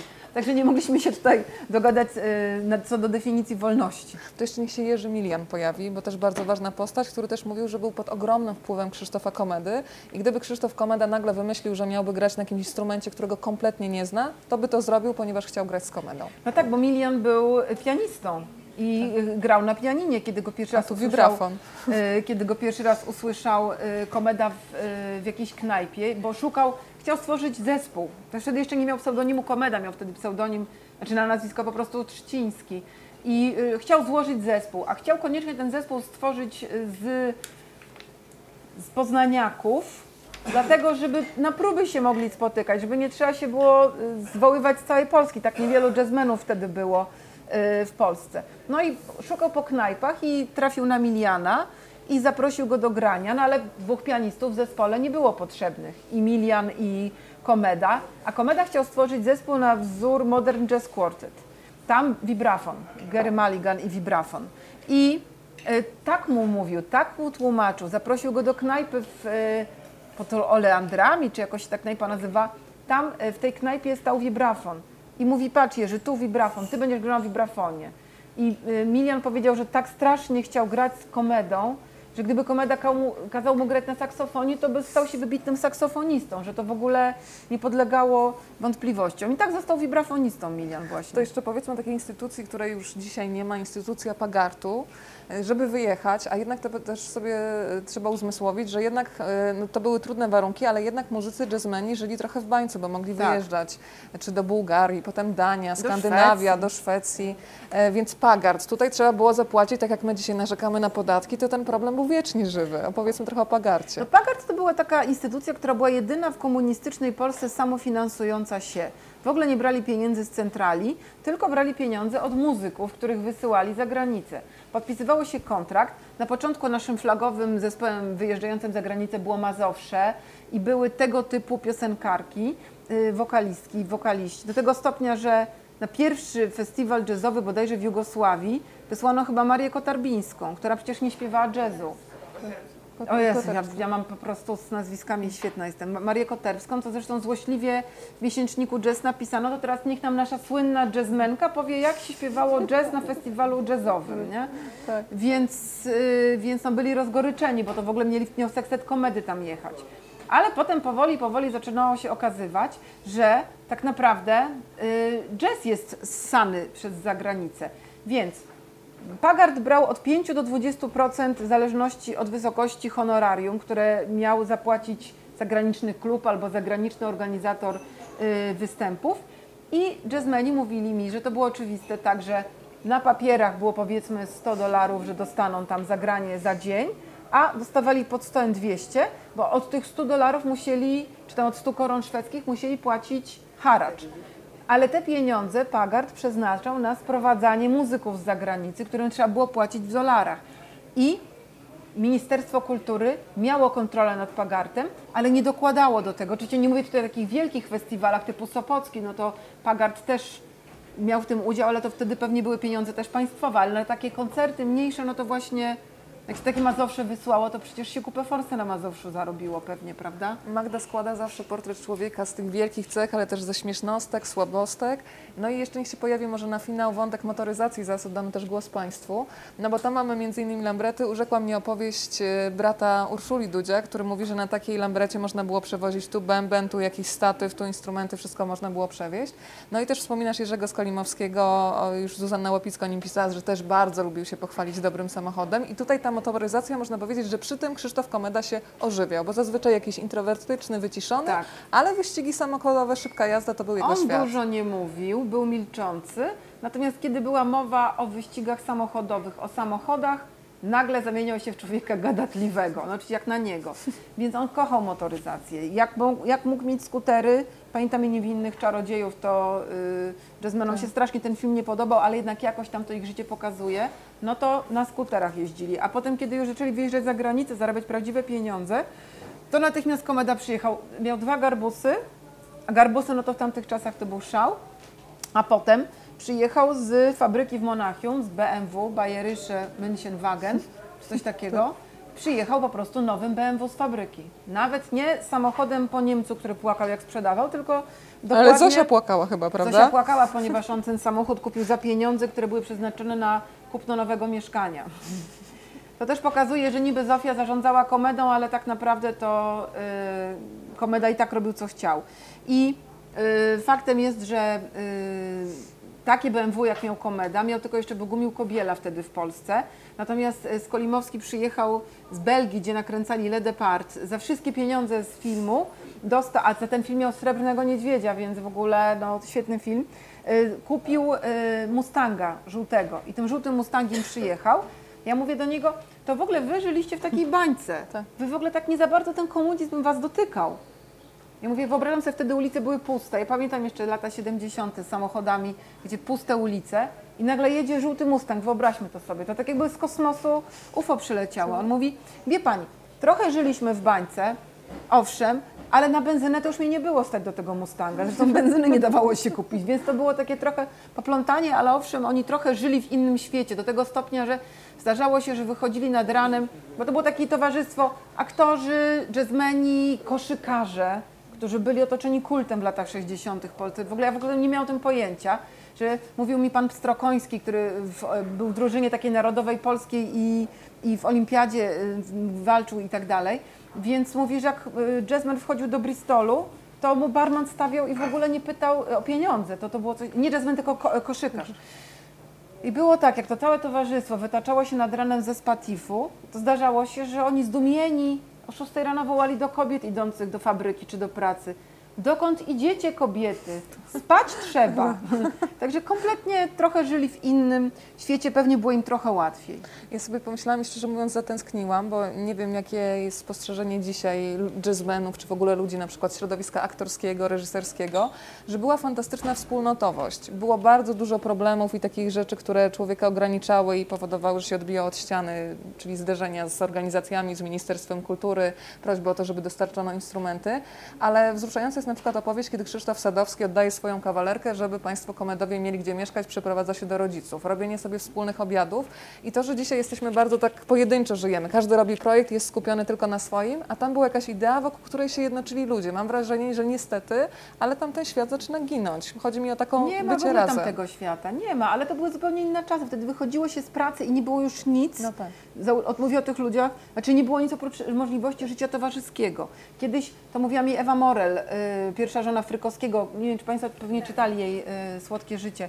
Ona mówi, niech pani w ogóle, jak będzie pani pisała o tych latach 50., 60., niech pani nie przykłada dzisiejszej miary do tamtych czasów. Zupełnie inna rzeczywistość, inna strefa intymności. Wtedy, jak ktoś miał mieszkanie, to był królem, nie było telefonów, więc się do tego kogoś zwalano bez zapowiedzi. Ten ktoś miał dziecko, męża, matkę teściową, więc nie było dyskrecji też takiej. Wszystko się toczyło. Bardziej się zdradzali wtedy ci ludzie, tylko nie mówię, nie wiem jak to było Skoro w klasie o zdradzie- robotniczej, ale chodzi o to, że w tamtym świecie Tak. każdy z każdym, chociaż jak ja mam dzisiaj znajomych z takich światów artystycznych, to chyba to akurat się nie zmieniło. Nie zmieniło, ale jest tam pan Jorgen bodajże, prawda, który się Jorgen przyznaje, Lett, tak. który się przyznaje komedzie, że jednak z Zosią jakaś noc była. No i tutaj reakcja Krzysztofa Komedy, muszę przyznać, że Bo Zofia z zaskakująca. Krzysztofem mieli remis, jeśli chodzi o zdrady. Ja nawet nie wiem, czy nie z przewagą Zofii. Y, ale oczywiście y, postanowiłam dać odpór plotkom i y, jak mi się z kimś nie udało porozmawiać na ten temat właśnie, czy miał romans, tak jak Krystyna Sienkiewicz z Krzysztofem, no to opisałam to. Inne panie pominęłam milczeniem. No to udało mi się porozmawiać z Jorgenem Letem w Kopenhadze, takim reżyserem, który wtedy był dziennikarzem i on właściwie ściągnął pierwszy raz komedę na zachód, do Danii. I Zofia miała na niego zakusy i mówi, że wtedy komeda gdzieś tam był, a Jorgen mieszkał u komedów wtedy w Polsce i taki wieczór zorganizowała, że wylądowali w łóżku. No i Jorgen mówi, że oczywiście było bardzo przyjemnie, ale następnego dnia miał wyrzuty sumienia i gdzieś lecieli z Krzysztofem razem, bez Zofii. I stoi ten Jorgen na tym lotnisku i mówi, kurczę, no nie mogę, no muszę mu to powiedzieć, to jest mój przyjaciel, kocham go.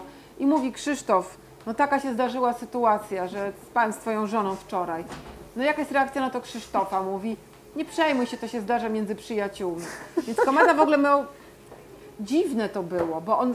Zofia była bardzo trudną osobą także potem, bo ja mówię, że idąc jak taran, będąc kobietą, moim zdaniem za wcześnie się urodziła, że dzisiaj to by taka kobieta nikogo nie dziwiła. Ona była niezależna, mówiła co chciała, bardzo często przy tym ludzi raniła, była też, mimo... No właśnie, i moim zdaniem ten alkohol, ona strasznie piła i to piła w sposób taki taki histeryczny, taki agresywny, na całość szła. Więc, więc to też była jakby cena tego, że ona była taką nietypową kobietą jak na tamte czasy. No i wszystkie numery, które robiła po alkoholu, a robiła numery niesamowite, to Krzysztof tylko mówił tak, no i co znowu zrobiłaś Zosiu? No i co? A tak jakby mu nie zależało na niej, no ale jakby mu nie zależało, to by się z nią rozstał, a nie rozstał się z nią aż do wyjazdu do Ameryki. Albo tak jakby, ja tego nie rozumiem, to, to nie była mu żadnego psychoterapeuty, żeby zdiagnozować Krzysztofa, więc nie wiem, ale bardzo takie dziwne to było. Drodzy Państwo, to teraz czas jeszcze uruchomić e, ciekawość i przełożyć ją teraz na pytania. Mikrofonu nie mamy, więc po prostu jak na kawie wszyscy razem pytania do Magdy. A czy rozmawiała Pani z Romanem Polańskim? Tak, tak. Rozmawiałam, ale nie spotkaliśmy się osobiście, bo akurat tak się złożyło, że on wtedy kręci, przygotowywał się do kręcenia filmu, kręcił film, więc ciągle był mega zajęty. Ja dwa lata co miesiąc pisałam do jego asystentki, czy już moglibyśmy, ona, że nie, nie, nie. I w końcu jak bywał w Polsce, to musiał szybko zwiewać, bo Ziobro ogłaszał, że go aresztuje, więc w ogóle też był podwójny problem. I w końcu mi się udało z nim przez telefon pogadać. Ale się bardzo cieszę, bo to była bardzo wartościowa rozmowa, ciekawa. No jak na bezrybiu i rak ryba, więc tak, tak było. No i koleżanka Grzebałkowska pojechała też do Stanów szukać domu Krzysztofa Komedy, to też warto powiedzieć. No nie, no każdy by pojechał do Stanów szukać domu komedy. No można było pojechać do Stanów. Tak, tak, to pojechałam, żeby jakieś ślady komedy w Ameryce, ale nie ma żadnych śladów. W ogóle komedy nikt nie zna. To nam się wydaje, że komeda taki słynny, że jak powiemy w Ameryce komeda, to każdy powie, no ta, no przynajmniej dziecko rozmary, ale to nikt kompletnie, co dziesiąta osoba kojarzyła film, ale komedy nikt, nikt, nikt. A przejechałam przez całe Stany, więc robiłam takie, takie y, quizy. A w Białośliwiu była Pani? E, Przejeżdżałam przez Białośliwie tylko. Ja pytam bezczelnie, bo ja mieszkałem kiedyś w Aha. Białośliwie, Szamowni to się to Aha, tak. Nazywa. Ja kiedyś z Panią chwilę rozmawiałem, Aha. to ja znam Adama Sławińskiego jeszcze. A, ja wiem, że a. on się tam pojawia. Tak, tak, ja, tak. Ja nie czytałem jeszcze Pani Pojawia się, pojawia, zdecydowanie. Także tylko przejeżdżałam przez Białośliwie jadąc do Piły, ale nawet miałam ochotę wysiąść, ale nie było czasu. Czy ja dobrze usłyszałam? Pani powiedziała, że komedowie rozstali się przed jego wyjazdem do Stanów, tak? Tak, tak. Krzysztof wyjechał y, w grudniu 67, mówiąc, że się rozstaje z Zofią. Ale nie wiem, czy powiedział to Zofii. Mówił to kolegom. Tak. Potwierdzał mi to Tomasz Stańko. Natomiast nie wiem, czy powiedział to Zofii, ponieważ Zofia miesiąc później była już u niego w Stanach. Sama to sobie załatwiła, z tym, że on już tam miał nową narzeczoną. Której kupił dom, ale Zofii kupił samochód, tak? Nie, domu nie kupił, on wynajął Wynajął dom, ale Tak, samochód tak, tak. kupił Zofii, Tak, ale prawda? dopiero, i Zofia przez pół roku walczyła jeszcze o komedę, ale to widać było beznadziejne. Ona się w tych Stanach nie przyjęła, ona nie znała angielskiego. Yy, to, było, to było takie bardzo przykre dla niej i w końcu wyjechała. No i wtedy Krzysztof wynajął dom i się wprowadził z Elaną, ze swoją narzeczoną do tego domu. Tylko, że Zofia wszystko to wyparła, zatarła i we swoich wspomnieniach pisze, że to Krzysztof szukał domu dla nich razem, bo ona miała wrócić, że miało być wszystko razem. To tak, tak nie było niestety, jak ona by chciała, takie jej pobożne życzenia. Ale oczywiście po wypadku, jak stracił przytomność, to jeszcze nikt jej nie zawiadamiał, bo po pierwsze wszystkim się wydawało, że zaraz odzyska przytomność, a y, po drugie przy nim była Elana, jego oficjalna kobieta, której Chłasko zresztą nie lubił, bo Elana nie lubiła jak komeda pije, a obecność Chłaski wiązała się ze strasznym chlaniem zawsze. Więc Elana odcinała Chłaskę i Chłasko nie, nie lubili Elany tam w tym towarzystwie. Tak- Jeszcze taki Niziński był taki też drugi pijak, co oni tak właśnie chcieli strasznie pić z, z komedą. No i źle się skończyło, no Elana miała rację, prawda, że, żeby nie pił. No i jak y, Zofia się dowiedziała, że jednak jej mąż leży w szpitalu nieprzytomny, znowu przyjechała. No i tutaj Elana musiała odejść jakby od łóżka komedy, no bo y, Zofia, co zresztą potem Zofia y, też mówiła, no, że taka niby zakochana, a wyjechała do Nowego Jorku. No bo przyjechała Zofia, Elana się usunęła, to miała co krążyć wokół szpitala. I tak bywała, bo się wpisywała do tego notesika, bo tam przy łóżku komedy leżał taki notes, do którego się można było wpisywać, bo ludzie liczyli na to, że on odzyska przytomność i się wpisze podczas ich nieobecności, ale to się oczywiście nigdy nie wydarzyło. Nie pamiętam, bo ja już jakiś czas temu czytałam książkę, czy Pani miała kontakt y, z tą mam, matką Nizińskiego? Ja koledzy mówię, cześć Czaruś, pa. Do zobaczenia. To jest Łazarewicz. Łazarewicz. Tak. Stężenie gwiazd na kilometr tutaj Tak. kwadratowy jest bardzo duże we wrzeniu świata dzisiaj. Czy ja miałam kontakt z matką Nizińskiego? Nie, bo ona zmarła w e, 90 latach. Nie, nie, nie. Tylko miałam kontakt e, z Tomaszem Lachem, który miał kontakt. E, Nie, nie. On twierdził, Tomasz Lach, że on w ogóle nagrywał Ewę Krzyżanowską, Krzyżanowska albo Krzyżyńska, Krzyżanowska. Krzyżanowska. Tak, no pani ma lepszą pamięć do nazwisk niż ja. Że miał tylko kontakt, y, nagrywał ją, ale jak ja prosiłam, żeby dał mi nagrania, to mówił, że kiedyś robił porządki, ktoś robił porządki w garażu, gdzie on to miał i to zostało wyrzucone. Potem się okazało, że ma jakieś nagrania, których mi nie dał, no ale i tak jestem wdzięczna za to, że tym się ze mną dzielił, a że potem powiedział, a, a ja mami nie dałem, no to już jego problem, co, co ja na to poradzę. Postacie. Patrzcie. Tak, tak, tak, no, No bardzo się przyjaźnili. tak. Także tak. Ja Państwa zapewniam, że to jest jedna setna, może nawet jedna tysięczna opowieści, które są w książce Komeda Osobiste Życie Jazzu. Jeżeli są jeszcze jakieś pytania, to bardzo proszę. A jeżeli nie, to myślę, że warto mieć w książce też tutaj Tak. pamiątkę z tego spotkania, żeby Tylko po pójdę latach najpierw też... tam, gdzie królewny chodzą piechotą i zaraz wracam. To ja cię I się tylko też nagrało. ja proszę, żeby to było w telewizji. Załatwione. Trzymaj, zaraz wracam.